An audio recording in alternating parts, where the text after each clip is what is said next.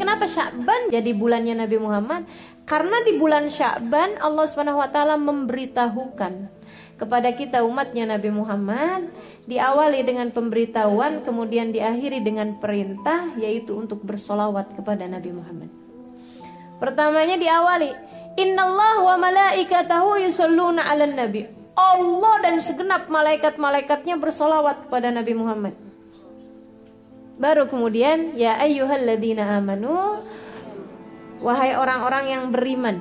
Nah ini ya, subhanallah, ngomongnya beriman. Allah bilangnya wahai orang-orang yang beriman. Karena ini ternyata pada solawat itulah Allah menjaring siapa yang beriman, siapa yang gak beriman.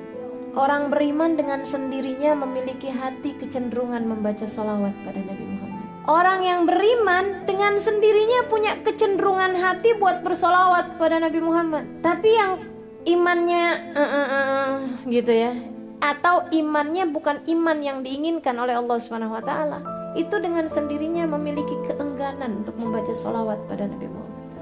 Macem-macem aja pembenarannya alasannya.